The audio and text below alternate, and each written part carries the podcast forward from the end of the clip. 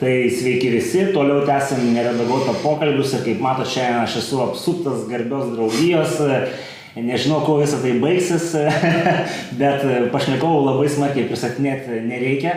Dabar, aišku, jeigu kurį nors iš jų paminėsiu pirmą, tai kitas įsižeis, dėl to neminėsiu, pašnekovai žinomi, abu esat matę, kas jie tokie bus aprašę, o aišku, šnekėsim šiandien temą, kuri yra, nu, sakykime, tokia katalizuojanti ir, ir, ir pakankamai jautri apie, apie tautinės mažumas, nors pasiaiškinsim dar ir šitą savoką, čia buvo iš karto Facebook'e, ar apie tautinės bendrijas, ar apie tautinės mažumas. Prelegentai atsakys šitą klausimą. Tai va, tai kalbėsim apie Lietuvos žydus ir sutarėm, kad matyt viso laikotarpio ne, neapriepsim, nes tada reikėtų čia savaitę užsibarikaduoti. Tai pradėsim nuo, nuo 19-20 amžiaus sandūrų. Tai Pirmas klausimas, kuris buvo, tai ar, ar, ar čia abu iš karto bus. Tai jau šitą klausimą atsakėm žiūrovom, abu iš karto bus. Kitas esminis klausimas, kurį esu girdėjęs, kad lygtais prelegentai yra buvę kartu grupiokais. Tai gal bandom nuo tokio komiško atsakyti. Dėstytojas mano. Ai, va. Karybos istoriją klausiau. Ai, va, kaip čia yra. Taip. Nedidelis prasilenkimas. Nedidelis, jo. Man Tiesiog aš labai pat- anksti dėstytojų pradėjau būti, dar doktorantūros metais, tai taip kartais buvo, kad ir kolegos, ir, ir studentai vienu metu, bet tai niekada nesugriovė jokių santykių ir visą laiką mes veikiam kaip komanda. Jo, mes, tu magistrantas aš tada buvau ir daug man davė iš tikrųjų ta visa ypač karo istorija Lietuvos, nes paskatina domės, beje, fortifikacija ir visais tais dalykais, nuo kurių buvau labai toli, o visą bereiko. Va, tai. Gerai, tai tada iš šitą irgi atsakėm, žodžiu, ryšiai aiškus, e, pavaldumo ir visi kiti, ta prasme, dabar galėsit patys daryti išvadas. Pradėkime nuo tokių rimtų dalykų. Tai m, tautų pavasaris, e, bunda Europą, bunda tos vadinamos titulinės tautos. E, Kaip mes galim tose besikūrenčiose valstybėse vadinti tas kitas bendrijas? Ar čia yra tautinės mažumos, ar čia yra tautinės bendrijos? Tai duosim gal e, pirmiausia jaunesniam prelegentui atsakyti. Va, nu tai čia ne, iš tikrųjų ne, reikia kalbėti apie žydų tautinį sąjūdį, Ne, nes žydų tautinis sąjūdis vyko irgi labai aktyviai, buvo visa eilė jo e, srovių. Aš galiu tik paminėti keletas. Tai yra Haskolo movementas, Haskola, tai yra asimiliacinis judėjimas, toliau didaktinis musar judėjimas, didaktinis judėjimas, paskui bus aišku sionizmas, vienas iš stipriausių turbūt ir įvair, įvairiausių, ten labai įvairių srovių, nuo dešinių iki kairių ir ten bendrėjai sionistai, revizionistai. Hasidizmas, žinoma, bus irgi labai sroviai. Ir aš čia kalbu tik apie Aškenazų civilizaciją, nes Europoje yra dvi didelės civilizacijos, mūsų domina šiuo atveju Aškenazų. Ta pagrindinė valytė, LDK, ATR, Baltarusija, Ukraina, Lietuva, Vilnius, žinoma, labai svarbus centro, kita yra, žinoma, a, Sifardum, tai ka- kalnų žydų, tai Ispanija ten, tai, tai šiuo atveju mums mažiau. Va, tai va, ta visa e, bendruomenė buvo labai, e, kaip sakyti, aktyvi tautinio sąjūdžio metais ir turėjo, e, sakykim, taip jau ir specialybės. Na, aišku, Haskola judėjimas Vokietijoje daugiau, asimiliacinis, tai yra Mendelsono, būtent to kompozitoriaus giminaitis, e, e, jį e, tą stygavo ir siūlė atsisakyti bet kokių ten žydiškumo atributų, išskyrus religiją. Nu, o e, tam misticizmo tas judėjimas, tai yra tas e, būtent Hasidų, kuris Lietuvoje nepaplito dėl Vilnius Gaono, nes Vilnius Gaonas nu, nelabai suprato ir galbūt palaikė tą požiūrį e, mystikų su knygomis ir nelabai suprato tų dainų e, kapinėse ir taip toliau. Žodžiu, tam buvo tokie niuansai. E, Tačiau sionizmas Lietuvoje, e, taip, Lietuvoje lytei bus labai stiprus ir daug žydų išvyks į Palestiną, kurs paskui ir valstybė, žodžiu. Kai kas dar, aišku, ir ten marksizmą prisimena, pavyzdžiui, jeigu paimi, e, skaitai va knygas, e, Hebrajų universiteto išleistas knygas, būtent skirtas žydų tautiniam sąjūdžiui, tai ten marksizmų skyrius yra tas toks, va, būtent e, marksizmas kaip, e, nu, toks visiškas išsižadėjimas viso to, kas buvo e, žydam brangaus. Ir ta aliuzija tokia į būtent e, manifestę, e, į Senąjį testamentą, nu, Tora ten yra ir apie šmėklą, ir kitų ten aliuzijų yra, žodžiu.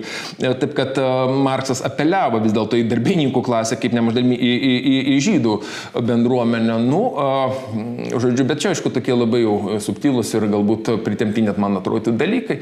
Taip kad aš turbūt išskirčiau sionizmą kaip tokią svarbiausią, labiausiai dominuojančią ir plačiau, nu, bendrėjai sionistai, va, jie a, šiuo atveju Šią prasme, nu, Hercelis taip palėtė mūsų kraštą. Tai valdai, tas pats klausimas, matyti, gal iš kito kampo, aš kaip suprantu, žiūrovas teiraujasi, ar čia pas mus buvo žydų tautinė mažuma, ar, ar čia buvo bendruomenė, ką mes galėtume Lietuvos kontekste apie juos plačiau pasakyti. Na visų pirma, žodis Lietuva 19-20 amžiaus sandūra yra toks labai abstraktus daiktas. Ir mes turėtume kalbėti, aš laik mėgstu kalbėti apie tai, kas tuo metu buvo. Tai tuo metu buvo Rusijos imperija. Rusijos imperija jau pagal savo filosofija buvo daugiatautis toksai daiktas. Ir mes dažnai juos vadinam rusais, tai tik taip panašiai ir visi kaimynai taip žiūrėjo, kad čia rusai gyvena, reiškia. Bet čia gyveno ne rusai, čia gyveno įvairios tautos, nes imperija savo apibrėžime yra daugiatautė. Kažkas virš tautų. Ir jeigu mes kalbame apie, apie sakykime, žydų čia buvimą, tai žydai jie jau turėjo tą geografiją paplitusią ne pagal Lietuvos sienas, bet žymiai plačiau. Nes reikia pasakyti, kad prijungimas, na, abiejų tautų respublikos prijungimas prie Rusijos, nuo tos dalies, aiškiai, čia daugiausiai Lietuvos žemės, tai pasitarnavo tam tikram išplitimui, reiškia, reiškia žydų ir, ir, ir, ir tam tikra, netgi sakyčiau, tokia ekspansija, jinai ir, ir viduje buvo, ir kitur, reiškia, susijusi su, na, su miestų raida. Nes miestų ta visuomenė, sakykime, žydam labiau primtina negu, pavyzdžiui, lietuviam kokiem ir panašiai. Reiškia, tai natūraliai, kad, kad čia egzistuoja tokias didelis laukas. Ir tam laukia, kaip, kaip gerai Bernaras ir sakė, formuojasi tos įvairios, reiškia, grupės, bet vis tiek dominuoja tas sionizmas dėl ko? Dėl to, kad nepaisant to, sakykime, tokio plitimo miestuose ir, ir tų tokių bendruomenių augimo, reiškia, skaičių, skaičiumi augimo didelio, na jie vis tiek yra, nu, neturi pilnų teisų žmonės. Nu vis tiek, reiškia, ne, nedominuojanti tauta. Visą laiką žydus visi žiūri pakankamai kreivai. Na, nu, aš, pavyzdžiui, galiu iš 18 amžiaus pabaigos pasakyti. Toks trumpa instrukcija kariams, ką daryti su žydais, reiškia. Tai jie garantuotai dirba priešui ir reikia juos labai prižiūrėti ir paskui, reiškia, tam pačiam įsakymą parašyta, kaip vykdyti žvalgybą. Išnaudoti vietinius žydus. Nu, reiškia, tokia tauta, kuri iš principo nepatikima ir, ir, ir tokia, reiškia. Tai va šitas dalykas, šitas požiūris toksai į, į šitos žmonės, kad jie yra kažkokie tai ne, ne iki galo nepilnaverčiai, jie ir skatina juos remti sionizmo, reiškia, judėjimą, kuris sudarytų jiems sąlygas būti, na, tauta savo žemėje, savosios valstybės ilgesys. Tai aš manau, kad šitie tie dalykai yra susiję. Ir va tas, kur, kur buvo kalba apie, apie vokiečius, apie Mendelsoną, kur, kur reiškia, jie tarsi liktai randa, tai ko gero Vokietijoje dar, dar, dar beveik geriausiai juos tenai ir priimdavo, bet, bet sakykime, ar tai būtų tos Lenkijos žemės, irgi ten Lenkijos karalystės, kaip priklausančios Rusijos imperijoje ir kitos, tai ten to, to, to, tos draugystės buvo žymiai mažiau. Lietuvoje, sakykime, gal išskirtinumas yra tas, kad tos bendruomenės iš esmės yra nu atskirtos. Iškai jos gyvena šalia viena kitos, bet jos nekonkuruoja tarpusavį, kol lietuviai nepradeda įti verslą. Tai va čia mūsų sutarimo su žydais viso visokiojo paspagdas pasidalinta, reiškia, sferom. Bet čia mes kalbam dar laikotarpis iki valstybės. Taip, taip. Aš sakau, mano, mano buvusio žmonos, reiškia, senelis sakydavo, kad geriausias gyvenimas per visą, o jisai šimtą metų gyveno, tai buvo prieš pirmą pasaulinį karą. Tai ta tezė man visą laiką būdavo toks labai nukeistas daiktas ir aš iš tikrųjų žiūrėdamas, tai buvo ilgos taikos pasiekmiai susiformavusi stabili sistema Rusijos imperijos, reiškia. Tai šitie dalykai, kadangi ilgai truko, jie turėjo didžiausią ir poveikį, nes tarpukaris yra santykinai trumpas laiko tarpas, reiškia, ir daug kas ateina iš truputėlį ankstesnių laikų. Tai žinoma, kad 19-20 amžiaus sandūra, čia man teko Kauno archyvė žiūrėti, kokios organizacijos buvo, pas mus buvo spaudos draudimas, nei lietuviai, nei lenkai ten nieko iki 905 ten ar 6 metų nieko negali daryti, o žydai turi. Turi organizacijas ekonominės, kultūrinės, reiškia ir taip toliau. Tai jie yra tam tikra prasme tokia, na, idėjiškai pirmaujanti tauta mūsų žemės.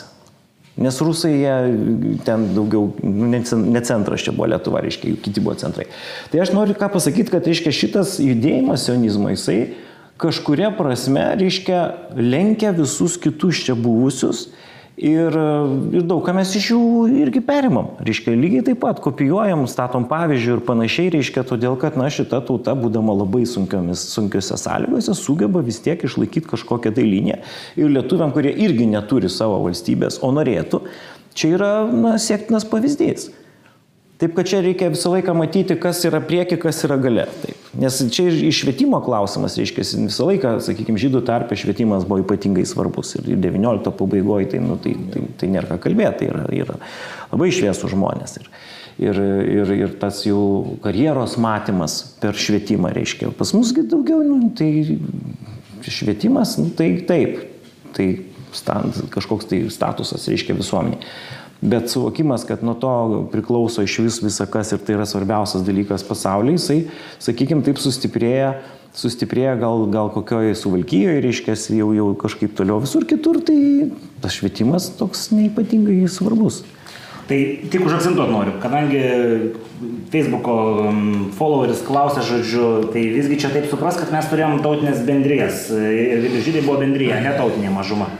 O, nu vėlgi, kaip pasižiūrėsi, jeigu vat, paimsime mes ir pasižiūrėsime pagal uh, Rogerį Brubakerį, kuris išskyrė tą vadinamus triadų modelius. Tai yra būtent tas trys tokie nacionalizmai pasitenais - tautinės mažumos, ten šalies, iš kurios ta mažuma kilus, ir valstybės nacionalizmas, kurioje ta mažuma gyvena. Tai jis ima pavyzdžių, kaip nebūtų keista, vis dėlto tarpukario Lenkiją ir tarpukario Lenkijos žydus. Tarpukario Lenkijos žydų bendruomis vadina diaspora. Ir ta išorės valstybė, kuri tarsi turėtų tai yra JAV. Ne Izraelis, Izraelio nėra. Tai šia prasme, vėlgi, reikia, net nesvarbu tai, kaip tu pavadini, bet ir kaip tu paaiškini. Kaip paaiškini. Šiuo atveju, aišku, galima sakyti, nu kokia čia mažuma, na, čia yra didžiulė civilizacija tiesiog gyvenanti. Šitoj teritorijai šiek tiek ten yra e, suskaidžiusi arba suskaidyta. Mm, va, ir, nu, jeigu žiūrėti miestus, štetlus tos mūsų, tai kokia ten mažuma, ten daug, nu, kaip mūsų istorikas Bržiškas sako, Lietuvoje tikrieji miestiečiai žydai. Tai, tai čia mažuma. Jie jie, dominuoja, bet tai yra štetlas. Vat, e, vėlgi, reikia turbūt paaiškinti, kad štetlas yra žydų miestas, turintis labai aiškę struktūrą ir jisai nuo netmenamų laikų, nuo viduramžių, nuo tų laikų, kai gavo privilegijas, pradėjo gyventi, kur turi savo e, savivaldos struktūrą, kahal. Yra e, mokyklos, yra sinagogos, yra rabinai ir rebės mokytojai, taip, yra dvasiniai lyderiai, visuomeniai lyderiai, yra bendras biudžetas ir yra labai aiškiai apibriešta jų veikla pagal įstatymus tuo metu galius ir be Rusijos imperijos imperijoje, kuri buvo, aišku, kuri vadovausi valstybinė antisemitizmo politika, čia ir tą sėdlastį mes viską žinom, ji tą tokią segregaciją įformino. Taip kad segreguota ta grupė gyvenanti um, imperijoje, nu, ja, kaip kažkaip mažuma, su, nu, netelpa į tuos rėmus. Jau tarpukarį mes galim kalbėti. Nu, ir taip ten, kai va, Kastytis Antanaitis sako, kaip apie Lenkus, ten, nu, Lietuvoje Lenkų tautinė mažuma, tai lašas Lenkijos didžiulės tautos gyvenančio šalių e, Lietuvoje. Nu, va, tai yra mažuma. Mm, sudėtinga, bet, bet būtent, galima sakyti, nu, galima kitų, kitą klasifikaciją imti, ten, pavyzdžiui, yra tautinė mažuma ir etinė grupė, o tautinė mažuma, ten pagal kitus klausimus, Karlas Deutsches tą vartoja, kiek pamenu, tai tautinė mažuma ta, kuri turi valstybę, tautinė grupė, kuri neturi valstybės, nu, tai ta tautinė grupė, tai galbūt taip. Ir dar evoliucinis yra modelis, ten, pavyzdžiui, nuo etinės grupės pas Bromlėjų, ten yra pas kitus, kai ten iki tos vat, politinės tautos eini ir pas, beje, pas Maceina irgi yra, yra tauta ir nacija. Va, ir, ir, ir ta visa klasifikacija, jį ganėtinai paini, nėra ko norit. Daug norit iš socialinių mokslų. Čia ne matematika. Todėl, sakant, bandyti viską sudėlioti taip jau labai griežtai į lentynėlės ne, nepavyks. Turbūt ir nereikia, aš manyčiau. Tai tada esminis klausimas pirmas pasaulinis galimybė Lietuvai, žodžiu, atsikurti, susikurti kaip, kaip tautiniai valstybei žydų bendrijos Lietuvoje vaidmo? Ka, kaip, kaip jie reaguoja, ar jie prisideda, ar jie stovi nuo šaly? Valdai, nuo jūsų gal pradėkite. Tai be abejonės jie palaiko lietuvius. Reiškia, e, kaip patys vokiečiai reiškia, vertina tą situaciją, nes per pirmą pasaulinį karą Lietuva neturi galimybės sukurti valstybės, realiai tam karui pasibaigus tokia galimybė, arba besibaigiant, gal taip reiktų sakyti. Nes karas rytuose baigėsi 17 metais, reikia, reikia žinot, kad anksčiau baigėsi, reiškia, ne, ne 18, 18 baigėsi jau, jau vakarų fronte. Tai e, iš principo vokiečiai atėję čia į šitą kraštą, jie ieško tautos, e, kurią norėtų atsiremti. Ir pirmieji, kurie jiems, kaip sakant, e, priima juos, tai yra žydai. Žydai, reiškia, žiūri didelės galimybės atėjus vokiečiam už tai, kad jie kalbą moka reiškia, iš esmės susišneka. Lietuvoje, kiek ten tie valstiečiai mokėjo tos vokiečių kalbos, netaip daug buvo tokių žmonių, reiškia, saujelė, o čia visa, visa tauta. Ir jie labai tikėjosi, kad čia jiem pavyks tapti tokia viešpataujančia tauta, va šituose, reiškia, Oberosto valdomose teritorijose.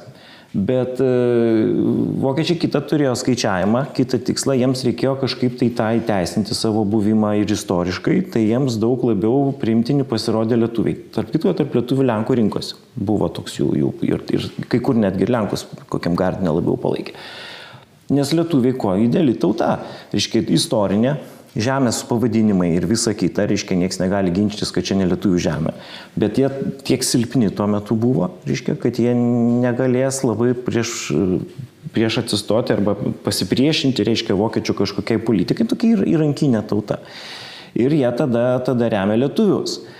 O žydams šitas posūkis, reiškia, jis yra tam tikrą prasme irgi naudingas, todėl kad jie nelabai tikisi sukurti žydų valstybę, niekas jų ten neleis, reiškia, bet va, jeigu lietuvių valstybė atsirastų, tai jie turėtų žymiai geresnės gyvenimo sąlygas negu, negu kad Lenkų valstybė.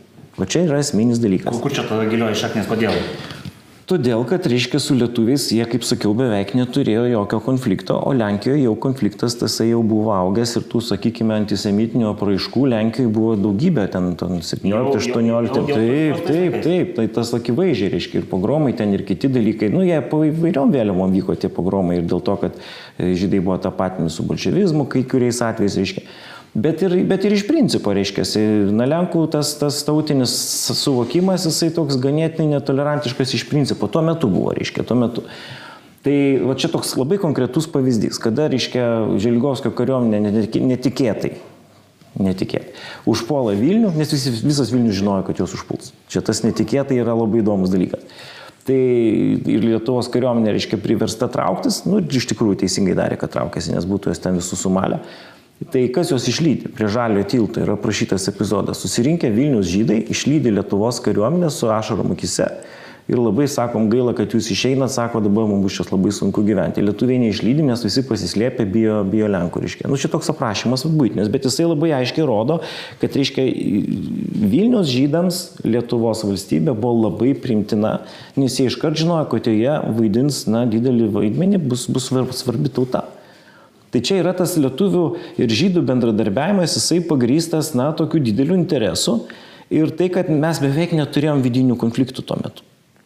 Čia tik vėliau jau, kada Lietuvoje pradeda vystytis nuosavą lietuvišką ekonomiką, tenai yra kažkaip tenai. Tai gal dar daisim. Tai... Nu. Gerai, tai duosim dar, sakoma, kažkaip tai papasakoti. Aš galiu pridurti, iš tikrųjų, ten jau, kad caro valdžia trėmė žydus iš priefrontės zonų, kaip tik karo prasidėjo, dėl to, kad bet to ir bijojo, at, apie ką valdas ir sako, kad kalba, artumas tas. Mm, ir paskui tie žydai po, po karo grįždavo į Lietuvą ir ten buvo daug tų tokių vat, nu, problemų dėl rusų kalbos vartojimo tarpu karį. Vat, tas e, grįžusių žydų vartojimos rusų kalbos klausimas buvo nepaprastai užaštrintas, iškeltas ir tų pačių lietuvių verslininkų ten jau, e, jau e, vėliau. O bendrai galima vat, nueiti vat, mūsų ir žiūrovo, pasižiūrėti Kauno choralinį sinagogą ir Stela akmeninė, kur yra iškaltos ten be, beveik šimtą, man atrodo, pavardžių žydų savanorių žuvusių už Lietuvos nepriklausomybę. Ir iš tikrųjų ten buvo žemės klausimas, nemaža dalimi. Bet pirmas, vat, Kaip pamenu, iki šiol atrodo, pona Žakas ir vadovavo Kauno žydų bendruomenė, susitikęs su jais šachmatininkas. Ir jo, atrodo, senelis buvo pirmas žydų ūkininkas Lietuvoje. Nes caro laikais buvo ta griežta segregacijos ir antisemitizmo politika, žydam buvo uždrausta versti žemės ūkį. Ir, nu, mes prisimtam caro tą politiką ir tie Sion išmyčios protokolų klastotės, tos, kurias tenais Ahrankos agentas padarė. Nu, savo istoriją, ten Prancūzijai buvo Dreifuso byla, čia buvo šita istorija antisemitinė. Ir, vat, kai iš tiesų, vat, Lietuva pradėjo kurti nepriklausomą valstybę, žydai tame pamatė nemažą galimybę. Juk faktiškai, iš tikrųjų, jeigu mes pažiūrėsime ir verslo sektorius, labai atsigauna ir tas ekonomikos pakilimas nemažai dalimi susijęs su tom įmonėm, kuris nuo 19 amžiaus ten veikia Lietuvoje, irgi verslo sektorius, žydų miesto sektorius. Va ir jie taip stojo į armiją, savanorius ir mm, norėjo ūkininkauti. Ir ta, žinoma, taip padėjo suartėjimai. Va, aš va, ėmiau interviu iš va, žmonių, jaunų žmonių, kurie buvo tarpukarį, paskui buvo tremtiniais, kurie sovietai ištrėmė prie Laptėvo, jūros ir taip toliau. Ir jie pasakojo, va, tie žmonės apie savo santykius Lietuvoje tuo, tuo, tuo metu, vat, gimnazijose, aukštos gimnazijoje mokėsi.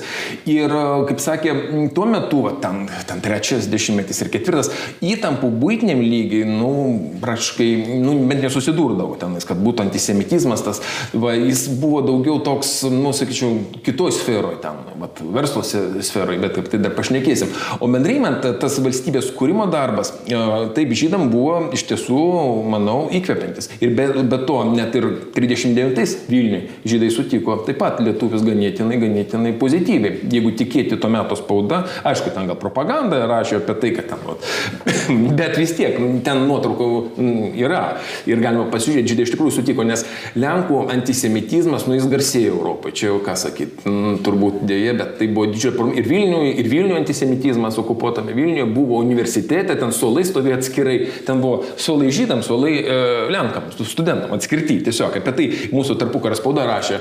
Mūsų spauda, beje, tautininkų spauda labai mėgo Lenkų antisemitizmo temą. Na, nu, suprantama, kodėl. Nes Lenkai antisemitai, Lenkai nekenčia lietuvių, nu, žodžiu, jie šiaip tokie labai baisus netolerantiški.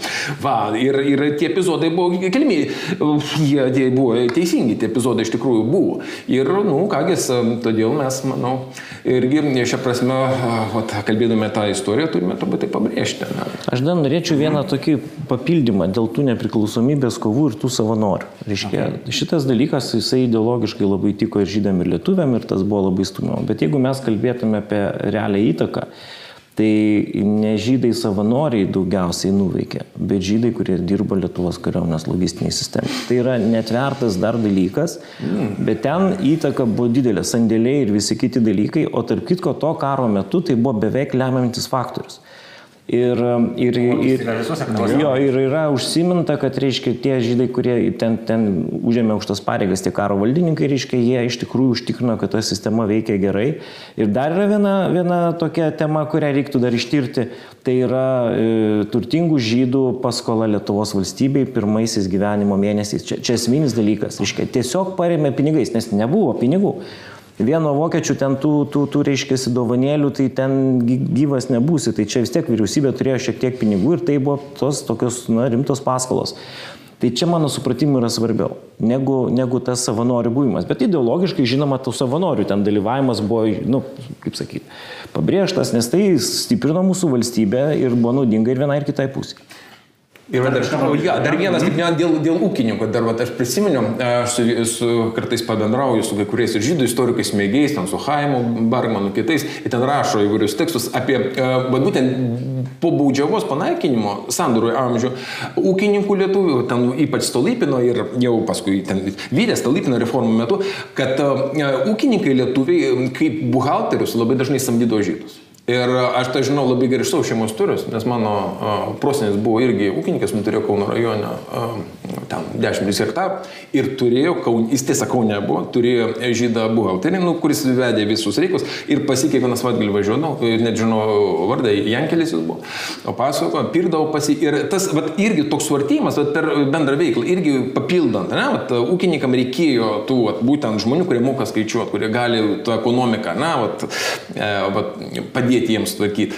Taip kad, žodžiu, ir šitas aspektas bus, manau, suartėjimo ir tokio bendradarbiavimo prasme nu, reikšmingas. Dar vieną aspektą mes praleidom chronologiškai, noriu pagrįžti, kadangi buvo paminėtas abiejų žodžių mintise pogromai. Čia vienas iš Patreonų klausė, Kaip tie pogromai, žodžiu, šiek tiek pakomentuoti, kaip jie vyko Rusijos teritorijoje, žodžiu, ir, ir, ir kas čia per reiškinys plačiau tai Rusijos imperijoje, tai čia pogromas yra tas kilmės e, žodis rusiškos. E, Rusijoje buvo labai platus antisemitinių visokių jėgų, tokių frontas, visokie juodašimtininkai ir šiaip antisemitai, kaip ir sakau, ten Ahranko ir šalia jų provokatorių agentai.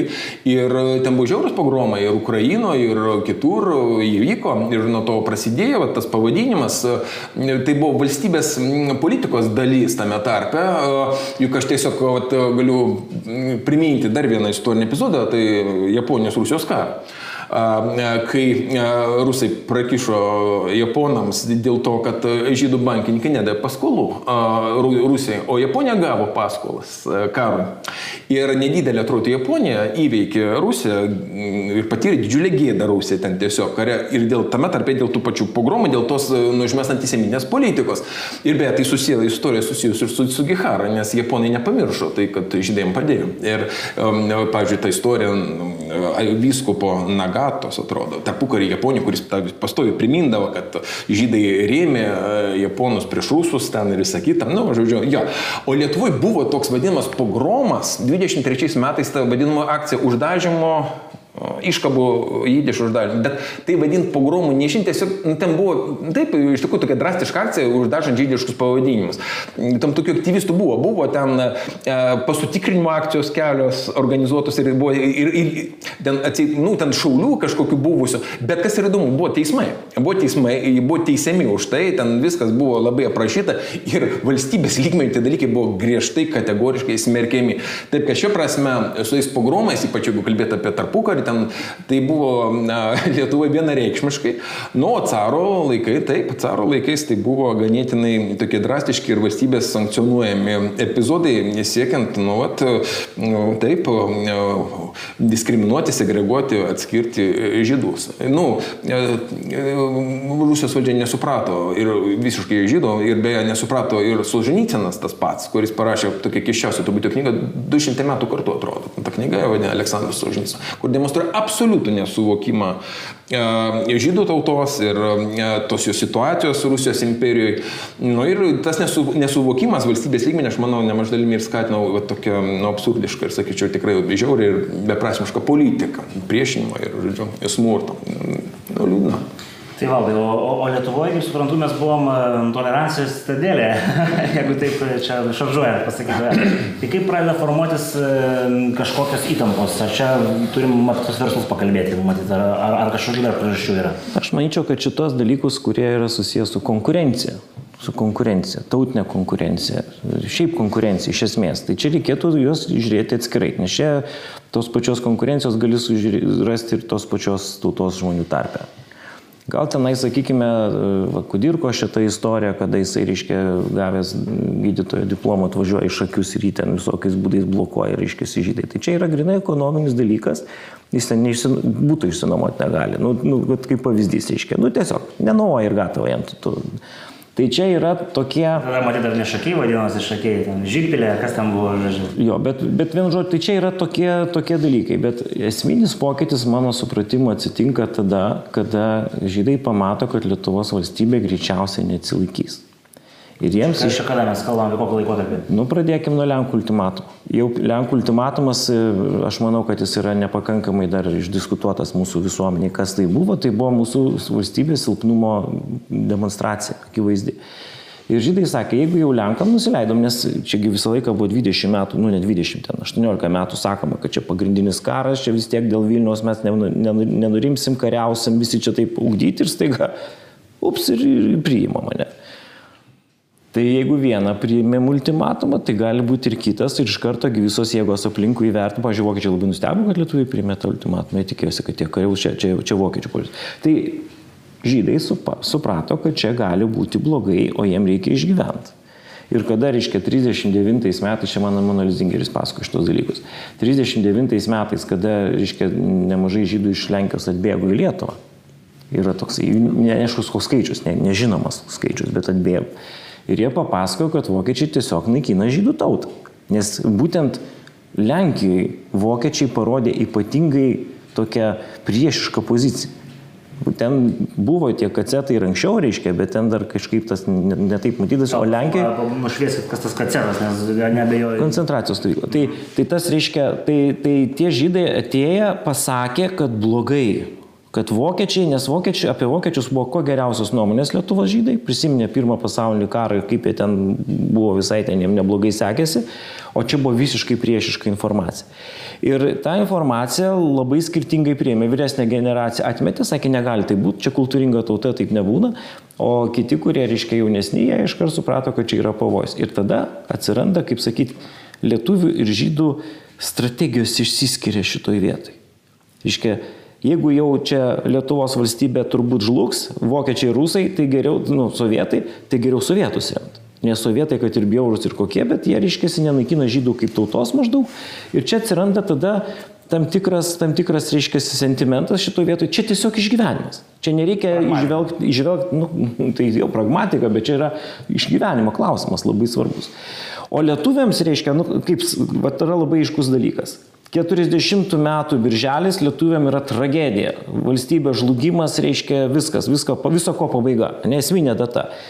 Tuo tarpu Žydų tarpe nėra išgyvenimo, kad čia visiškai tragedija ir viskas sugriuvo. Jie dabar mato, kad tiesiog pasikeitė situacija ir tiesiog prie jos reikia prisitaikyti. Va šitas dalykas labai išsiskiria ir dėl to, kadangi mes apie tai per mažai šnekam, tai ne, nesuvokiam, kur tas išsiskirimas yra. Nes jų, jiem reikia išgyventi, vokiečiai juos naikina, reiškia, tai reikia glaustis prie stipresnio ir kažkaip tenai jame įsitaisytoje pusėje. O lietuviams viskas pasaulio pabaiga. Ir tada vat, mes pradedam judėti skirtingais formateriais.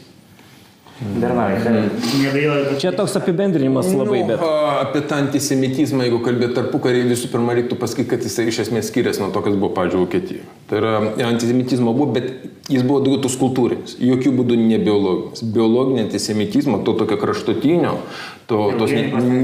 ne. A, ir žinot, vat, man kartais vat, taip keista, kai iš konteksto kai kurie dalykai paėmė, pavyzdžiui, ten rytotas salas, paplūdimo klausimas. Tas žinomas epizodas apie purvinus žydus lietuvių paplūdimius. Nu, skaitomas, na, nu, pasižiūrėjęs straipsnė yra ten torio knygos įvadės įdėtas kitur. O, kame ten kalba, apie kokius čia purvinus žydus? Eina kalba apie rusų kalbos vartojimą, dovanokit. Ne, rusų kalba, kad žydai vartoja rusų kalbą. Tas purvinumas yra kultūrinis, tipo, nu, mums primena ten imperijos laikus, mums primena tuos senus caro, ten, dar ten visokie epizodai apie tai, kad laisvės alėje vaikšto žydai su tais kazokiškumas, ir terminas kazokiškumas, jie man, su šarovarais vaikšto, kad, nu, žydai atsakinėjo į tai, žinoma, ir savo lietuviškai spaudoje rašė apie tai, kad taip yra tokių epizodų atskirų, bet jokių būdų tai ne sistema. Um, tai yra tiesiog iš konteksto tų pačių verslininkų ištraukti. Ta, buvo beje, kova dėl tam tikrų vat, vietų. Na, vat, buvo tokia tarpukarį draugija daina. Nu, dainuškos, ten paviljonai. Ir jie kovojo iš paviljono prie miesto sodų. Ten į pradžią laikė žydai ir norėjo perimti. Nu ir aišku, buvo ten kaltimi to, kad ten kažkokia nelietuviška muzika groja, kad ten šokiai netaip organizuojami, bet tai grinai kova už vietą. Grinai kova už vietą. Toliau su verslu irgi. Niekada nebuvo valstybinių lygių boikoto jokio Lietuvoje, žydų verslo kur buvo Vokietijoje, kur nacijai sankcionavo, ten juodmarškiniai stovėjo, mušė ir taip toliau. Lietuvai bandė kažką padaryti visuomenio organizacijų lygių, bet um, Smetonos valdžia, kad ir kokiai ten bebūtų, to, ten, apie nusaikų Smetonos dar režimo, ten spaudos antisemitizmą dar galima pašnekėti bus, bet jie tą verslininkų antisemitizmą stabdė negailestingai. Ir buvo du epizodai, kai tiesiog verslas, laikraštis verslas buvo tiesiog užtildyti cenzūros pagalba. Jeigu neklystu, bus 34 metai, 37. Paskui yra įdomus laiškas, be iš verslininkų prezidentūrai laiškas, įžulus laiškas, sakyčiau, kur rašo verslininkai ir sako, mes gaunam per dieną 20 ar kiek nu skambučių, telefonų skambučių, kiek čia telefonų buvo įdomu, su reikalavimais gražinti antisemitinę propagandą į mūsų puslapius. Jums ir, ir toliau man kas patiko, aš nepažydžiu to, bet ten tam dokumente maždaug tai patiesmi. Jums patiems bus geriau, jeigu jūs leisite toliau nu, žodžiu, ta antiseminė propaganda mūsų laikraščio puslapiuose, nes tauta įsiūtus, nu, supraskite, nustot tautą. Va, vat, vat, vat, su, smetonos režimu buvo šitaip. Ir su antisemitizmo tokio jau, sakau, net ne biologinio, bet to tokio nu, kultūrinio antisemitizmo, ekonominio antisemitizmo tyrimų buvo šitaip cenzūra į, į, įjungdavo ir, aišku, spaudo. Kitas dalykas, aišku, buvo politikas smetonos režimo lietuvinimo verslo, tai ir buvo ta lietuvinimo verslo, liet, verslo lietuvinimo vajus. Toliau buvo, aišku, lietuvių kalbos sugražinimas į savivaldybės, valstybės įstaigas. Ar, ar žydai kalbėjo lietuviškai tarpukariu? Va, kalbėjo daug kas, kas nekalbėjo. Žinot, pasakysiu taip, kad mano seneliai įdį išmokėjo. Kad, ta prasme, eidavo į parduotuvės, jeigu ten kalbėdavo, ir su įdiš kalbėdavo. Nu, vokiškai įdiš tą mokėjo. Ir daug kas kau nemokėjo įdiš. Ta prasme, kiek aš galiu susidaryti įspūdį, ten kažkokios problemos dėl kalbos nebuvo. Ten buvo, va, tautininkas spauda, ten buvo rašoma, nu, kad gydytojai nešneka lietuviškai. Nueina pasigydyti koks valstietis pas žydą gydytoją ir jis jį gydo. Buvo ten, va, tokių va, epizodų. O, bet aš sakyčiau, nu, tokie atskiri nedideli epizodai. Nu, šiek tiek tai naudoja, vat, būtent sakant, kad reikia daugiau leisti gydytojams lietuviam, nu ten nu, istorija apie uh, fakulteto medicinos uh, dekanų, dek, dek, kaip lašas, ne, ten numeros nulius, va, ten, kad ten žydų nepriminėjo, nu ten buvo ta istorija. Va, irgi, nu, matomai tiesos tame yra.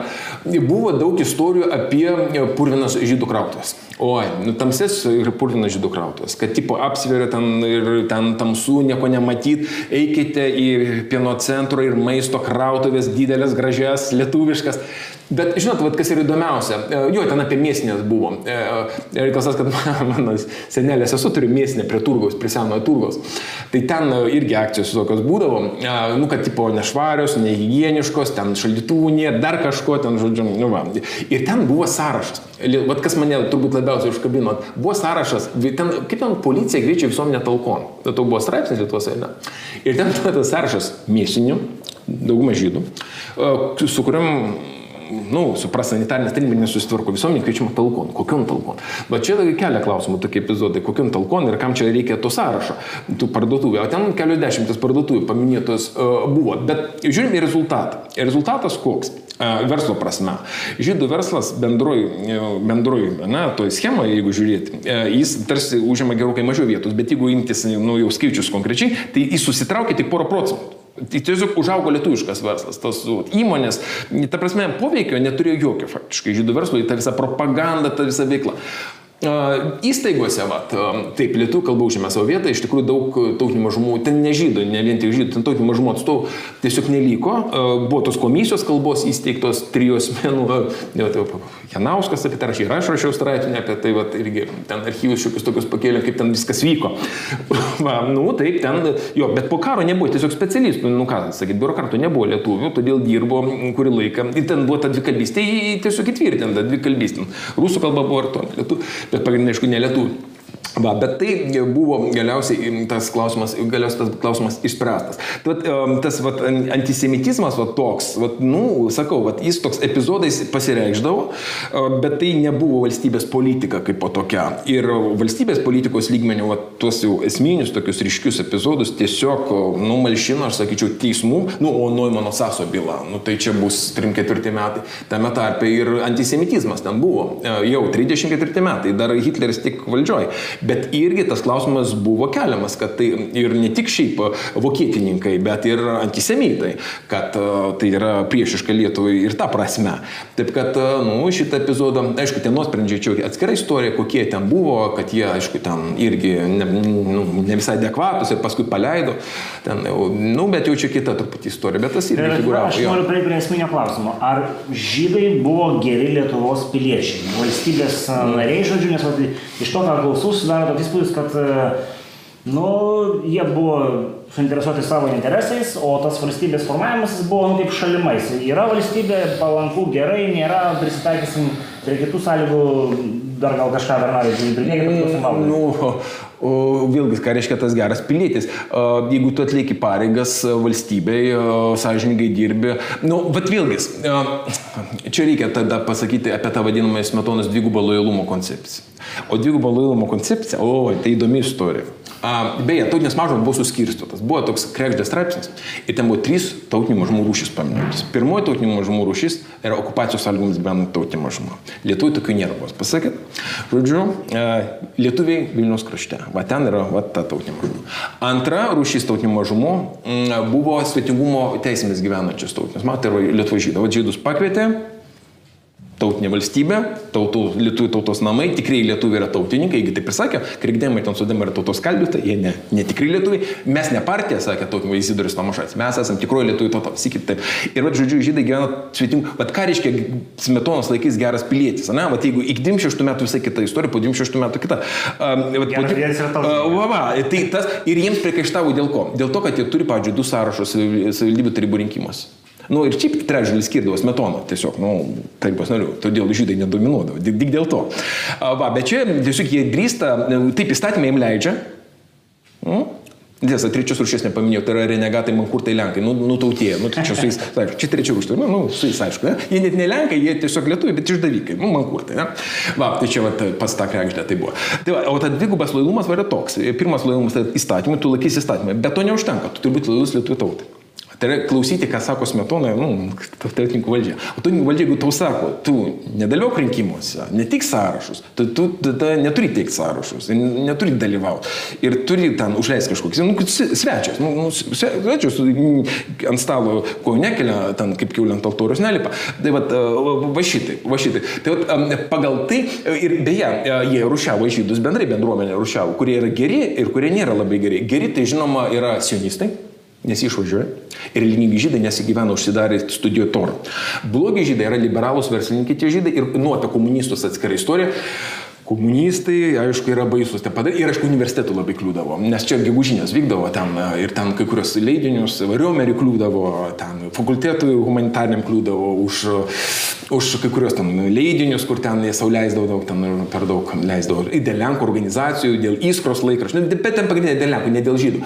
Va, o su komunistai, tai va, jo, komunistai, va, Karnausko laidotojas, nu, va, Karnausko laidotojas čia laisvos alėjai, čia, čia skrido baldai, beje, jiegi ten pasuko ne ten, čia patrim kurį ten buvo, 37 atrodo. Nu, čia, kai jie ten palaidojo tą policininkų žudiką, bet irgi žydą, nu, jis nušovė irgi žydą. Uh, ir paskui jį ten nušovė, ir paskui jį laidojo, pasuko iš kestučio gatvės per laisvalį ir žydai mėtė ant galvų iš čia gyvenusių laisvalį, ant, ant tos teismos, nes jie patys tų komunistų nekė. Nu, va, Nu, bet, va, va, Žodžiu, vienareikšmiško atsakymo. Ne, absoliučiai. Ten, ten, ne, vėlgi, jeigu vadovautis metonos režimo požiūrį žydus, tada, nu, va, tai, jeigu tada geri piliečiai turi, tada laikytis jo. Bet komunistai atskira istorija. Ir uh, taip buvo tų komunistų, nes jie ten uh, buvo dauguma bendruomenės, na ir taip visą vargšą žmonės, labai neturtingi buvo. Čia labai va, šitas svarbus dalykas suprasti žydų bendruomenės tą struktūrą tokią. Jie labai skirtingai yra pasiturintis, taip. yra amatininkai, turintys savo parduotuvę, tai yra tokie stabilūs piliečiai. Tai atrodo proporcionaliai, va, tas žydų pasiturinis sluoksnevimas. Nu, aš nežinau, bet didelis kiekis tų neturtingų žydų, reiškia, ir jie vis, yra nu, visai kita, kita kategorija. Iš čia ir ten komunizmas sėmėsi savo šaknų ir tas vat, murzinumas, tas vadinamas, tai dažniausiai eina kalba apie šitos ypatingai skurdžius žydus. Ir jisai tenai turi daug, va čia dabar Aleksotė, aš gyvenu ten, kur, kur žydų, žydų gyvenamas rajonas buvo. Tai ten tie vietiniai gyventojai mažai pasikeitė, tai va pasakoja visokius, visokius epizodus, iški, kad ten tas paplavas pila ten nekur ne priklauso, reiškia, kad tenai, nu, tas nešvarumas, va jisai dar, dar iki šios dienos toks atminimas yra. Bet čia eina kalba apie tos ypatingai skurdžius žydus, nes jie, nu, yra labai svarbus sluoksnis ir dažnai formavo visų žydų įvaizdį, nors tuo tarpu, reiškia, tie stabilų žmonės, tie, tie matininkai, laikrodininkai ten ir visi kiti, nu, tai jie ten na, labai buvo gerbiami, kadangi na, nuo jų priklausė žmonių gyvenimo kokybė tiesiog, na, vertino juos tenai ir taip toliau ir taip toliau. Tai čia du skirtingi dalykai. Bet aš dar kai klausiau, norėjau pasakyti, kad paminėjot, kad žydai svarstė tą dilemą, žodžiu, ar čia remti Lietuvą, kai sutikom su ultimatumu, suprato, kad bus šikna. Bet buvo ta alternatyva, kad nu, iki paskutinio kraujo lašo ginti tautą, nu, matyt, taip tikras pilietis suvokia valstybiškumą. Aš manau, kad Aš čia provokuoju šiek tiek, bet nu vis tiek verta. Jo, aš manau, kad mes turime suprasti, kad žydai, sionistai, kurie dominavo pas mus, jie iš tikrųjų negalvojo apie Lietuvą kaip apie valstybę, su kuria jie žada susijęti savo ateitį. Taip šiandien jie čia gyvena, taip jie čia yra piliečiai, jie ten atlieka savo tas pareigas, moka mokesčius, viską jie tą supranta, viskas gerai, bet ateitis priklauso Izraeliui. Ir šitas suvokimas, kad tai bus tenai, matėsi švietimo sistemai, iškia vaikų auklėjimo būduose, mokyklų programuose, orientacijoje ir visur kitur. Ir dėl tos priežasties eina dvi skirtingos vagos. Žydai netapatina save su lietuviais. Ir tos lituanizacijos, aš nežinau, kiek čia tos lituanizacijos, manau, jinai labai paviršutiniška čia yra iš tikrųjų. Tos bendruomenės, aišku, ir mišių šeimų čia papuola ir visa kita, bet iš principo ne. Iš principo gyvena atskirai, čia religiniai tie skirtumai ir būtent ateitis kitokia. Lietuviai viską sieja su savo tautinė valstybė, žydai mato Izraelį. O čia yra du skirtingi dalykai. Ir todėl negalima jų kaltinti, kad jie, pavyzdžiui, blogi ten Lietuvos piliečiai, nes jie iš principo negali būti tokiais, nes lietuvių čia yra lietuvių valstybė. Čia kitautinės valstybės laikai. Tai žydai nėra priimami lietuvių tarpą, jie yra tik tai tokie, na, palankus, nepalankus, bet yra jūs ir mes. Va šitas dalykas yra labai aiškiai juntamas ir, pavyzdžiui, va, iš, iš žmonių tarpu kario visą laiką pasakys žydelis. Vat pasakys, jisai, jisai vat, jis, jis ne iš tos, jisai iš tos. Jis ne priešas, jis kaimynas, jisai ten koks nori, bet čia, čia mes, o čia jie. Tai va šitas skirtumas išlieka ir todėl, reiškia, negalima jų kaltinti, kad jie nėra lietuviais, nes jie ir nebuvo ir nelabai norėjo jais būti, kadangi per daug skiriasi tas, tas, tas pasaulis jų, reiškia. Ir, ir, ir, ir kadangi jie turi kitą alternatyvą, Izraelio valstybės kūrimą, aš manau, kad tas viskas logiškai atrodė, kol neatėjo antras pasaulinis karas, kuris šitos skirtingus, skirtingus sakykime, skirtingas vagas nukreipė vieną prieš kitą. Iškai išlikimo scenarijai visiškai skiriasi ir kiekviena iš tų šakų buvo linkusi paukoti kitą dalį tam, kad išlikti. Būtų pasiruošus aukoti išlikimui. Čia labai svarbus suvokimas šito dalyko. Nes kitaip nesuprasi, kas ten atsitiko. Draugavo, draugavo, gyveno kartu, ten kuo gražiausi pasakojimai, nu ten pašėpė kažką ir panašiai, bet tai ne, neįmanoma buvo suvokti, kad galėtų tos tautos ten vieną kitą aukoti. O tuo metu taip. Nes kada iškyla išlikimo klausimas, žmonių motivacijos ir elgesiai labai keičiasi. Mhm. Tai vaduosim, nu, kadangi valdui čia yra jautri tema, duosim Bernardui pasakyti. Jo. Ar Bernardui dar kažką Bernardui? Ne, aš tik dėl, galvoju dar vieną epizodą, va, ta prasme, svarbu žydų autonomijos klausimas. Labai svarbu, mes jo nepaminėjome, o jis buvo, keturi metai, iki 24 metų. Ir e, čia beje, iš Rauno Liekio yra, aš sakyčiau, visai adekvatus įvertinimas, e, kaip negero dalyko integracijos prasme, kad e, ta autonomija buvo ministras žydų reikalų, ten, kad irgi uždarinėjo žydus toj bendruomenė ir skyrė dalį žydų, ten atrodo religingų žydų, administruoti mokesčius. Ir didžioji dalis žydų, kurie ten, nu, kaip ir buvo žydai, buvo tarsi po jais, buvo nepatenkinti labai to. Ir ta segregacija tokia buvo nepatenkinti, todėl panaikinimas žydų autonomijos, aš sakyčiau, ta, ta prasme buvo pozityvus dalykas, jei kalbėtų apie tą integraciją vis dėlto, bent dalies, aišku, dauguma taip jie ruošiasi, taip išvyk, išvykimui. Jų čia, kaip sakyti, visas mokymo procesas ant to buvo pasakyti, pasakyti, jie mokėsi ūkininkauti, būtent taikėsi prie tų sąlygų Palestinos, kaip ten bus Palestinoje, sportas ir ruošiasi beje tarnybą armijoje, jie ruošiasi tam irgi, kad būtų, va, kam reikia fizinės geros formos, tam, kad sėkmingai tarnauti armiją ir kovoti už savo kraštą, už Izraelį. Tai reikia labai aiškiai suvokti, tai yra senizmo esmė ir tai yra jų tautinio sąjūdžio esmė ir, manau, vertas pagarbos pasirinkimas, žinoma, už savo valstybę, už savo kraštą, jie išvykę ir kovoja ir kovos ir labai daug žmonių iš Lietuvos iš jie kūrė Lietuvą, paskui žydų valstybė ir buvo ir politikais, ir tas pats, va, ir Varhatikas, nes jis iš Lenkijos, su Giharos istorija labai svarbu vaidmenį atlikęs. Va, bet jūs dar norėjote ten toliau, ne? Jo, tai aš, aš noriu, mes, mes mūsų į tą jau finišuojantį klausimą ateina tas, žodžiu, antras pasaulinis. Mhm. Paulas sakė, išlikimo paradigmos skiriasi.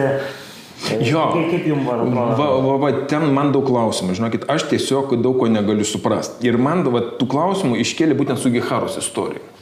Juk iš tiesų su Gihara dirbo Kaune. Na, jis išdavinėjo tos dokumentus su Zvartendaiku, Olandijos, Niderlandų konsulu, nu, tranzitinius, ten ne vizos dokumentai, pagrindiniai Lenkijos žydams. Pagrindiniai žydams, kurie pabėgo po jau 39 metų karo pradžios į čia ir paskui atėjo į Kauną, čia buvo 40 metų vasara, birželis. Ir ten tarptų, nu ten plius minus 6 tūkstančiai, ten sąraše yra apie 3 tūkstančius, kur surašė žmona, o kitų nesurašė, plus dar Vilnių buvo anspaudas padirbtas dar vienas, kur ten jau Lenkų dvujkos, ten tie agentai išdavinėjo tas padirbtas vizas su paskui šimto su vienoda par. Ir aišku, ten, ten ta visa Tapijos Glavatskis istorija ir taip toliau. Tai vat, kodėl nėra lietuvių? Iš Lietuvų, atsiprašau, Lietuvų žydų. Bet ir aš klausiau, ėmiau interviu ir dažnas žmogus sakė, kad tiesiog jie vis tik to karo nuojautas dar neturėjo taip kaip Lenkų žydai. Va kas man labai keista. Nes, nu juk čia buvo karas šalia, nu, kas turto nenorėjo palikti, sakė, va, nenorėjo išvykti. Va, ir, ir va, tas epizodas, va, man su Giharas 40 metų Lietuvų žydų prasme, jis man neaiškus, ten, sakau, daug tokių neaiškumų, kodėl vis dėlto to būtent lietuvių, lietuvų žydų išvykimo nebuvo. Pagrindinė buvo Lenkų, tikrai ne kaina vizos, ten, kad Lenkų žydam ta kainavo pigiau, nesąmonė, čia, čia ne, neatsakymas. Tai va, šitas epizodas man jisai šia prasme neaiškus. O kas paskui prasideda, nu paskui prasideda tikras pragaras, keli mėnesiai ir žydų bendruomenės nėra praktiškai iki, iki, iki lapkričio mėnesį. Mes tos Zonder komandų raportus matėm, mūsų išeiviai, kai kurie surinko, tai kaip profesorius Toliušės, ar jau pameluoti visą tai Anušausko, aš tada perdaug, kai mums čia atveju. Va, tai ten yra tie Zonder komandų raportai, ten viskas surašyta juodą ant balto. Ir tas epizodas turbūt toks baisiausias, ne, pradinis epizodas, tai turbūt Litukio garažas. Ir va, ta 27 diena. Bet aš va, kaip kalbėjau su kuriais žydų istorikai, jis sako, ten buvo ne vienas epizodas. Čia ten buvo du epizodai vis dėlto. Ir jie kalba ir apie, va, šitą nežinau, mes buvom organizavę tokį net seminarą jau vadovų. Ar ten 25 įvyko ar ne po pietų, trečiadienį, trečiadienį, ar ten penktadienį, nes nacijai įžengė į Kauną būtent trečiadienį. Ir ten tie atsišaukimai, vat, Vodinskas atrodo, vienas iš liūdininkų tada kalbėjo, čia dar prieš 20 metų tas buvo renginys, jis kalbėjo apie labai keistą atsišaukimą, labai prasta lietuvių kalba, nu, antisemitinį atsišaukimą, kad greičiausiai gali būti provokacija nacijų. Paskui pogromas bus baisus pogromas su žudynėmis Viljampolėgi, na, čia, čia Liepos mėnesį, Liepos pradžia bus. Ir ten bus kampanija nacijų labai tokia iški, mes jūs žydai gelbėsim nuo lietuvių, na, eikite į getą, mes jūs saugosim, va, ten jie. Tai buvo nacijų strategija, čia dar nuo vienos to, nu, Eichmanas viską pradėjo. Eichmanas vienos biurė atidirbinėjo holokausto metodikas įvairias. Ir vienas iš tų tokių buvo propagandinių momentų. Mm, nu, bet išnaudoti bet tą priešpriešą tarp vietos gyventojų, būtent uh, izoliuojant žydus ir paskui vykdant jau. O paskui bus ta galutinio tikslo, tai galutinio sprendimo, tai jau vėliau šiek tiek. Bet... Dar noriu įsterti mm. klausti. Yra dar tokia, kaip sakant, sklandanti mintis apie žydų kolaboraciją su, su, su, su sovietais, žodžiu, ir kad neva ten, kur dabar yra kai kur va, žydų tie masiniai kapin, kapinimai, tai ten neva yra daugmaž didžioji dalis kolaborantų. Čia buvo prop, nacijų propagandos vienas iš žydas komunistas, tai čia buvo tiesiog klišė nacijų propagandos. Visada bus epizodų ir tu gali juos išnaudoti vienai par kitaip, kaip tau patinka, na, ir rašyti, kad va, ten kariami žydai komunistai.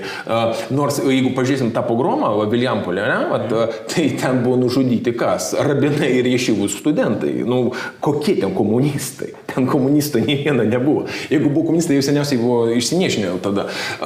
Ten tiesiog buvo tokia schema, būtent siekiant, vat, būtent izoliuoti žydus. Tai ir buvo etapas, o paskui eiti prie to jau sisteminio naikinimo. Dar vienas klausimas ir to pačio. Ar buvo kažkokia galimybė, kad lietuviai pasipriešintų priešintų šitai nacijų politikai vykdomai, nes mes dažniausiai suformama yra į vieną krūvą ir mes esame atsakingi. Pasipriešino, pasipriešino atsidūrė Štulvose, ten Šudovė atsidūrė, ne, ten kurie nu, pasipriešino. Mane iš tikrųjų truputėlį glumina kai kurių Vokietijos istorikų pozicija. Nu, yra ta komisija, čia nacijų ir sovietų nusikaltimai, ten vienas, aš pamiršau pavardę, čia kai kurios laidas, ir jis ką sakė? Jūs lietuviai kalti, jūs turit protestuoti, jūs turit į, į demonstracijas prieš nacijus. Jūs neprotestavot, jūs kalti. Ne mes, nu, okupantai, agresoriai, kuriuos užpuolė, čia, na, užėmė. Ne, ne, ne, jūs turėt protestuoti. Vat jūs, vat kalti dėl visko, suprantat. O čia yra karo istorikams labai pažįstamas vaizdelis. Kada praėjus daugelį, daug metų, žmonės, kurie nežino, kas yra karas, pradeda kaltinti kare dalyvavusius žmonės, kad jie kažko nedarė. Tai jie turi suprasti, kas atsitinka su žmonėmis tokiais sunkiais momentais. Žmogus jisai iš vis nieko neprotestuoja, jis arba kariauja, arba susitaiko. Kito varianto nėra. Kokie protestai, apie ką jie šneka? nu, taip. Čia tokie protestai šaudomi vietoje, reiškia, taigi čia yra karo metai, reiškia. Tai dėl to čia aš juos atmetu kaip visiškai neprofesionalius dalykus. Negalima tokių dalykų. Taip. Aišku, galima, pavyzdžiui, sužaisti, kaip kiti sako, gerai, o tai kodėl, sako, žydai neprotestavo dėl Lietuvos valstybės užėmimo, kodėl antisovietinių nedarė, reiškia, manifestacijų Vilniui. Aha, rudnosios armijos užėjus, tu čia su, su, su plakatais pavaikščiai. Visi, kurie su menkiausia lapeliu jau sėdėjo kalėjimuose, reiškia, arba, nu, tose ankstyvosiuose sovietiniuose, reiškia, ten, arba, nu, ten, nutrėmimas dar taip greit nespėjo, bet, reiškia, jau iš karto juos areštuodavo vietoj. Tai čia yra neprofesionalus požiūris, absoliučiai.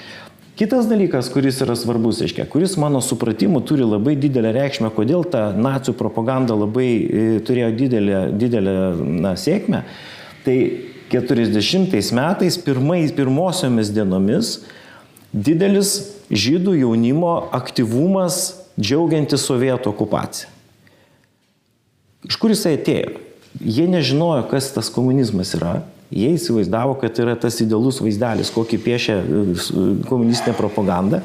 Ir daugelį miestelių buvo tokios visokios, nu, nekaltos akcijos. Ten su raudonom vėliavom, ten kažkokie šokiai, ten kažkokie bureliai, nes jie, reiškia, tai paskui po kelių mėnesių, kada pradėjo atiminėti turtą, tas entuzijazmas baigėsi, ten labai greitai. Bet visų atminti buvo, Kaip, reiškia, ko lietuviai negalėjo žydam dalyvauti, kad jie, reiškia, nu, ne tai, kad džiaugiasi, bet, bet kokiu atveju ne per daug liūdėjo dėl Lietuvos nepriklausomybės pradimo. Tai šitas dalykas čia yra labai aiški dirba, į kurią labai sėkmingai krito, reiškia, tos, to, tos propagandos įmesti dalykai. O to propaganda padaryta gerai. Reikia paskaityti tuos pirmųjų dienų lietuviškus laikraščius, nu, vokiečių įtakoje parašytus. Tai jiegi tenai nuotraukas deda, čia informacija, reiškia, čia tokie, tokie, tokie dalykai, tai kai pasižiūri, nu, tai čia viskas aišku. Tai paprastam žmogui susivokti, kad čia prieš tave panaudota tokia kryptinga informacija, tai nėra taip lengva. Nes lietuviai turi dar tokio naivumo, aš sakyčiau, labai būdingo tarpukario, jie tiki to, kas parašyta, reiškia, vat, vat yra tokio naivumo. Arba ten, nu, visokių tokių nesuvokimų. Dabar yra tikinčių dar. Nu, tai va, tai, tai tą reikia suprasti, kad, reiškia, nu, taip jau atitiko Kirvis Kota, reiškia, tuo metu. Už tai yra tokia sėkmė ir tas, tas, tas, sakykime, toksai e, žydo komunisto įvaizdis, jisai nu, labai lengvai atsiranda lietuvių sąmonėje. Bet e, ir, ir dar vienas dalykas yra, kad, reiškia, pačių, pačių žydų tarpe yra yra šitie dalykai irgi dar nepakankamai išdiskutuoti. Man čia teko su keliais kalbėti, reiškia, sakau, nu kaip taip atsitiko, kad, sakau, žydų jaunimas taip palaikė sovietų valdžią, o tai pirmaisiais mėnesiais. Tai čia yra keletas teorijų, kas, kas čia yra, bet sako, gali būti, kad tas sovietų piešiamas idealus komunizmo vaizdas buvo labai artimas žydų įsivaizduojamam rojui. Iškia, tai ne, eina kalba ne apie kažkokius abstrakčius dalykus, bet, pavyzdžiui, apie e, na, asmens santykis su bendraja idėja. Taip, kad reikia nu, tarnauti kažkokiai aukštesniai idėjai, kad, kad yra, yra toksai nu, viso pasaulio kažkokios vertybės ir taip toliau, taip toliau. Tai čia tokia tezė dar, dar diskutuotina, bet reiškia, galima pasižiūrėti, kad e, tai ir yra, nes man tai visą laiką meta klaida. Jeigu sionistiškai auklėtas jaunimas Lietuvoje, akivaizdžiai, nu prie ko čia tas komunizmas? Tai va čia yra klausimai, kuriuos dar reikia atsakyti, bet, bet reikia juos atsakinėti tos klausimus, o ne pulti, kaltinti reiškia ir iš karto ten, va, tu tie kalti, tie nekalti, mes nuo to vis tiek nieko nesuprantam. Nu, aišku, kad kalti, tai aišku, kad dalyvavo ir, ir, ir visa kita. Bet, arba ten, kai kiti ten sako, reiškia, o kiek, sako, žydai lietuvių vaikų išgelbėjo 41 metų birželį. Ar gelbėjo bent vieną. Nu ir taip toliau, reiškia. Tas nieko neduos, apie kokius gelbimus eina kalba. Nes, pavyzdžiui, lietuviai, kur gelbsti žydų vaikus, tai čia eina kalba apie ilgą laiko tarpą. Suprantate, iškai per, per, per kelis metus tai ten natūraliai tenai visokių dalykų. Čia kiek truko tas reikalas, savaitę laiko. Nu, tai čia ne, ne, nu, ne, nelygintin dalykai. Bet mes vis tiek, man atrodo, pagrindinis dalykas, ką mes turime suprasti, mes turim žvelgti šitos įvykius iš skirtingų pusių. Mes negalim pateisinti, bet turim suprasti, kas ten buvo. Nes jeigu mes sakom, va čia tie geri, o čia tie blogi, tai mes nieko nepaaiškinam. Mes tada nieko nepaaiškinam, reiškia. O aš žinau, kad šitą epizodą mes nedėsim į viešą YouTube, nes po tokių pareiškimų nu, tai... gali būti daug nesusipratimų, bet... e, Nu, man tai aš pasakysiu taip, aš kaip naujų amžių tas istorikas. Man tai keistas čia kažkoks sakralizavimas kažkokių klausimų. Nu, tai visą laiką tu turi pažvelgti, kas ten vyksta. Ir, pavyzdžiui, kada mes nagrinėjom karinį kažkokį įvykį, jeigu mes dirbam profesionaliai, mes turime įlysti į vieną ir į kitą pusę. Nu, aš, pavyzdžiui, tyrinėjau Lietuvų Lenkų karų 20 metais, va čia toks paskutiniu metu. Nu, tai aš sėdžiu Lenkų motivacijas, žiūriu, ką jie susirašinėja, kaip jie mato ir, ir, ir, ir niekas manęs dėl to nekaltina, kad aš anti, antilenkas. Bet šitas klausimas yra tabu ir čia nu, jau toks... O tabu sakra- niekada nepadeda spręsti klausimų. Tai čia tada reiškia, mes nekalbam apie istoriją, mes kalbam apie politiką, ir, ir kuriai naudojama yra istorija. Tai čia labai akivaizdus dalykas, nes istorikas jisai visą laiką turi suprasti tą, tą, tą reiškinį, kas čia vyksta. Jisai vad prieina, kaip mes dabar su Bernar šnekam, reiškia, iš tos, iš tos pusės, tai mes tada pradedam suprasti, kas ten vyko. O jeigu tu ieškai nu, pa- pagrysti kaltumą, nu, tai čia jau yra kita kategorija, čia yra karo prokuroro darbas. Dar, aš nebejoju. Ne, tai iš tikrųjų, tai vat, holokausto tema tai yra ta, kur politika lipa labai smarkiai. Ir įstatymais net atsakomybė įtvirtinta, eilė šalių dėl revizionizmo, dėl kažkokio neįgymo, kur tu gali bet ką pritem, bet kokią, nu, kai į mokslo sferą pradeda lysti įstatymais, nu, nešauna į galvą niekam, ne, tam, pavyzdžiui, priimti įstatymą, kad 2 kart 2 yra 4, na, ir tu pasakysi 2 kart 2 yra 5, tai tau jau ten, nežinau, kalėjimas, na, vat. bet su istorija yra šitaip, nes tiesiog, nu, taip, yra daug tokių politinių aspektų, kurie, taip, istorikams labai, aš sakyčiau, nu, trukdo tyrinėti ir trukdo, ir to, kuo toliau, tuo daugiau. Ir daugiau temų atsiranda. Ten atsiranda ir su kitais genocidais. Aš apie Rusiją iš vis tyliu. Ten priimta dešimtis įstatymų, sovietų armijos vaidmuo antram pasaulio kare, ten ir visą kitą. Ten, ten iš viso truputį krūstės, ten lygiai nacijų ir sovietų negalima. Nu, tai kur ten galima nueiti tokiu keliu. E, va, bet iš tikrųjų, čia yra ką tyrinėti. Aš kai pradėjau tyrinėti pats, va, dar studentų būdamas, pirmas epizodas aš paėmiau, palyginau nacijų oficialią spaudą tuo metu Lietuvos. Aš radau senelio archyvą tiesiog spaudos. Tai ten buvo didžiulis blokas savaitės, tam, nu, savaitė. Ir ten visos nuotraukos yra ir kaip tenais sveikina nacius, Rainių tragedija žinoma, Rainių ten irgi buvo naudojama labai intensyviai. Ir aišku, antisemitizmas, rasizmas ten, jo, apie juodaodžius, ten buvo didžiuliai straipsniai, kas Amerikos armijoje tarnauja, nu, tiesiog ne žmonės, ten nu, sukomės. Tas dehumanizacija, va, tas labai svarbu. E, žydų ir e, juodaodžių ant priešų dehumanizacija, ne žmonės. Tai yra tiesiog va, gyvuliai, antrarūšiai, ten tokie, nokie ir taip toliau. Bet man įdomu buvo kitka, čia tai viskas aišku, čia tiesiog tiesiog į tą schemą nacijų, to biologinio rasizmo ir antisemitizmo viskas gula. Pogrindė mūsų spauda. Pogrindžio puntapis į laisvę ten e, toliau buvo Lietuvos judas. Ir kągi mes ten matom? O ten matom daug informacijos, tai irgi kiekam trečių metų pogrindžio informacijos apie tame tarp ir holokaustą. Pavyzdžiui, kiek iš Kauno geto narašau? Iš Kauno, iš Kauno geto tiek ir tik išvežta į 9 fortą. Išvadas darykite patys. Um, toliau, kas yra priešai? Ir tos kolaborantai su nacijais. Ten labai įvardinami, kaip reikia elgtis su jais. Kad nacijų žudyti nereikia, nes tada, nu, degs kaimai, nu, žodžiu, nu ką, mūsų ten partizanai, tie bolševikiniai dar, ne, ten provokuodami. Va, ir, ir, ir, ir tai buvo, ir tai irgi yra Lietuva, ir tai irgi yra žmonės, kurie aktyviai veikia, ir tų leidinių yra nemažai. Aiškiai, va tas blokas, jis iš tiesų demonstruoja nemažos dalies visuomenės požiūrį. Ir apie tai negalima pamiršti. Mm, kažkaip, mat, aš pastebėjau, kad mūsų istorikai nelabai net tos kažkaip temos, nežinau, žino, ne, nežino, kažkaip trūksta. Pavyzdžiui, ten buvo tokių epizodų fantasmagoriškų, aš, pavyzdžiui, pamenu konferencija buvo viena ten holokaustai, ta Truska buvo tada Amžinatlis Kasatkina, kiti mūsų istorikai ir, ir sociologai. Ir ten mes tiesiog kalbėjome apie tas grupės, ne, ten buvo stebėtojai, gelbėtojai, kolaborantai, aš sakau, o buvo dar, dar viena grupė. Tai yra grupė žmonių, kurie vienus žydus gelbėjo, kitus žudė. O buvo ir tokia. Buvo ir tokia. Ir psichologinė motivacija. Vat, aš gelbėjau žydus, kuriuos pažįstu. Vat, kaip ta propaganda veikia. Na? Jie geri žydai. O, vat, o tie abstraktus, vat, tie kažkokie ten blogis, vat, vat, vat juos, vat, ne?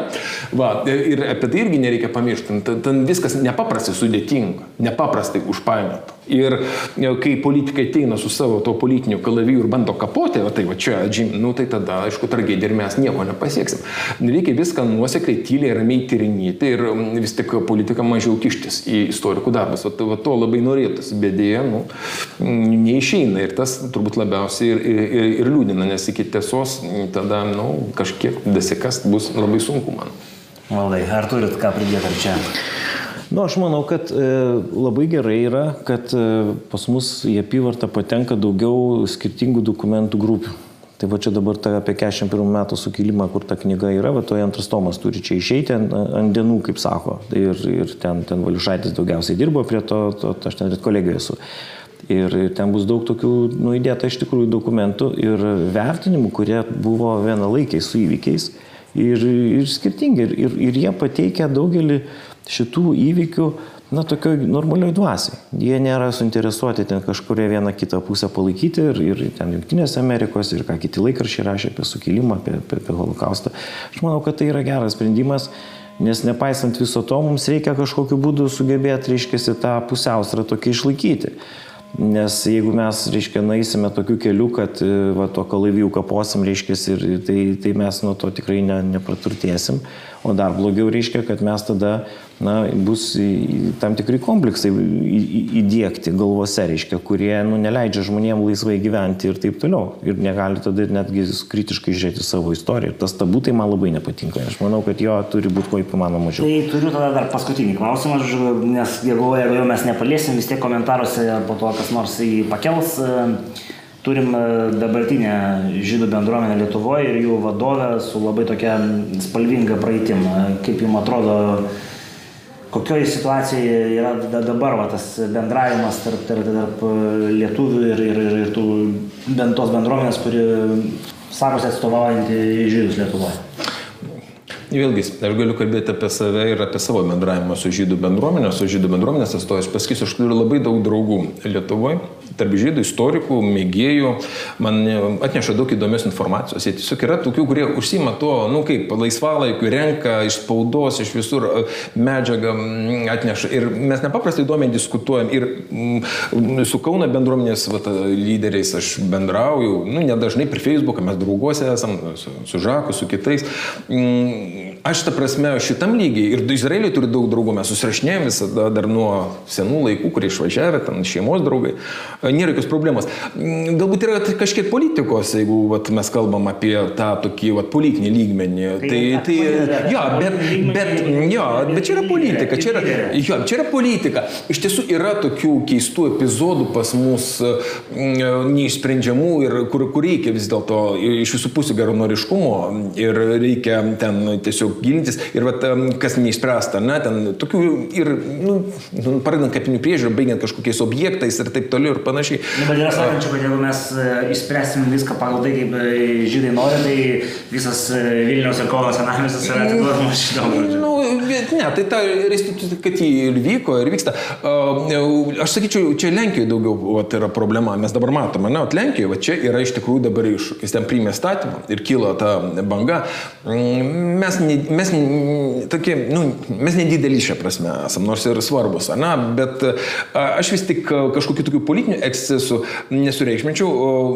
Mano akim žiūrint, santykiai tarp lietuvių ir žydų, um, mano pačio paties yra ok, bendradarbiavimas ir draug, nu, sakykim, toks draugiškas santykis jis yra, o politikai, nu, politikoje visada yra visko. Ir čia tenka tik apgalėstauti, kad yra kažkokių nesusišnekėjimų. Norėtųsi, kad viskas vyktų kitaip. Ir aš manau, čia tiesiog reikia turbūt valstybių lygmenių su pačiu Izraeliu mūsų atstovams kalbėtis, kad iš tiesų tas santykiai. Nėra problema, kad su Izraeliu kalbasi tam tikri politikai, kuriems galbūt jau nebereikia. O, tai, tai reikia ir kitiems. Va, va, va, va, tai reikia kalbėti tiem, kurie, kurie turėtų kalbėti ir oficialūs asmenys. Ir tas bendradarbiavimas turėtų būti absoliučiai maksimaliai platus visais aspektais. Ir istorikai, ir kitų sričių mokslininkai. Reikia kalbėtis. Kuo daugiau kalbėsimės, tuo, aš manau, bus geriau. O kai yra kažkokie ekscesai ir jie ten ištraukiami iš konteksto kartais ir ten paskui ten bandoma iš to daryti politinį kažkokį nesą, kapitalą krautis, e, tai aišku, blogai ir iš visų pusių blogai, nesvarbu, e, kas e, ką sako, bet, nu, taip, tiesiog kantrybės norisi palinkėti visiems, norisi palinkėti kantrybės, tiesiog susi, susitvardymo ir, aišku, reikia palinkėti ir geranoriškumo. Gal, ne, nežinau, kiek giliai galim šitą klausimą leisti su jumis, bet kažkiek vis tiek pabaigai matyti reikia, kokia, kokia jūsų pozicija, nes nu, iš šono stebint tai, tai, kas vyko jums užsiminus apie tam tikrą istorinių, tasme, vat, dalykų, žodžiu, matymo, kampų, suvokimą, nu, kilo neadekvatus dalykai, žodžiu. Tai kaip jums atrodo praeis kuriam laikui? Aš tai manau, kad tai yra tam tikros uh, mūsų visuomenės ir, ir, ir gal, gal ne tik visuomenės, bet ir, ir politinės jėgos kažkokios nebrandos dalykai. Ta prasme, nes jeigu yra e, kažkokie tai nesusišnekėjimai, ne, ten skirtingas kažkoks tai ten, tai susirinkam ir šnekam. Ne, ne tai, kad, reiškia, paėmė, nusprendė kažkas, reiškia, paukojo galvą, pamovė ant mėtų ir papušė Seimo įmonę. Tai, tai čia šitie dalykai yra man kaip istorikui iš vis nesuvokiami. Todėl, kad, reiškia, nu, kiti sako, čia, žinai, gal, gal čia politikoje yra kitaip. Nu, nieko kitaip nėra. Nu, tai jeigu žmogus siūlo eiti kalbėti, o tai ką ir dabar Bernaras sako, ir jeigu mes būtume pradėję kalbėti sausio mėnesį, tai turėtume truputėlį kitokią vasarą, reiškia. O, o dabar tas toks elgesys man jis yra visiškai nesuvokiamas ir nebrandus, nes mm, juk kalbam apie istoriją. Tai jeigu kalbam apie istoriją, tai kalba turi remtis ta mokslinė kalba, mokslinių diskusijų, konferencijų forma ir panašiai reiškia, o ne, ne kad kažkas ten nusprendė ar, ar ten kažkas kažkam paskambino ir, ir, ir paskui ten vyksta. Tai mano supratimu yra naita labai netuo keliu. Ir man atrodo dar vienas dalykas yra labai klaidingas įsivaizdavimas, kad galima e, vienu įpučiai išspręsti tos klausimus.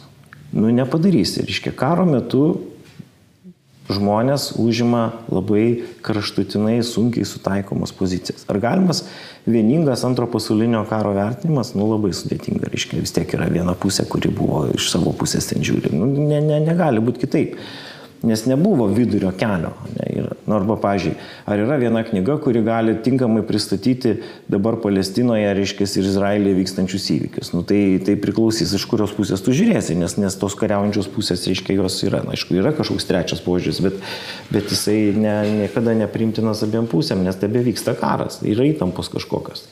Tai aš už tą mokslinę diskusiją ir, ir, už, ir labai prieš, kad, reiškia, politika pradeda reguliuoti istorikam, ką jie turi ir ko jie neturi sakyti.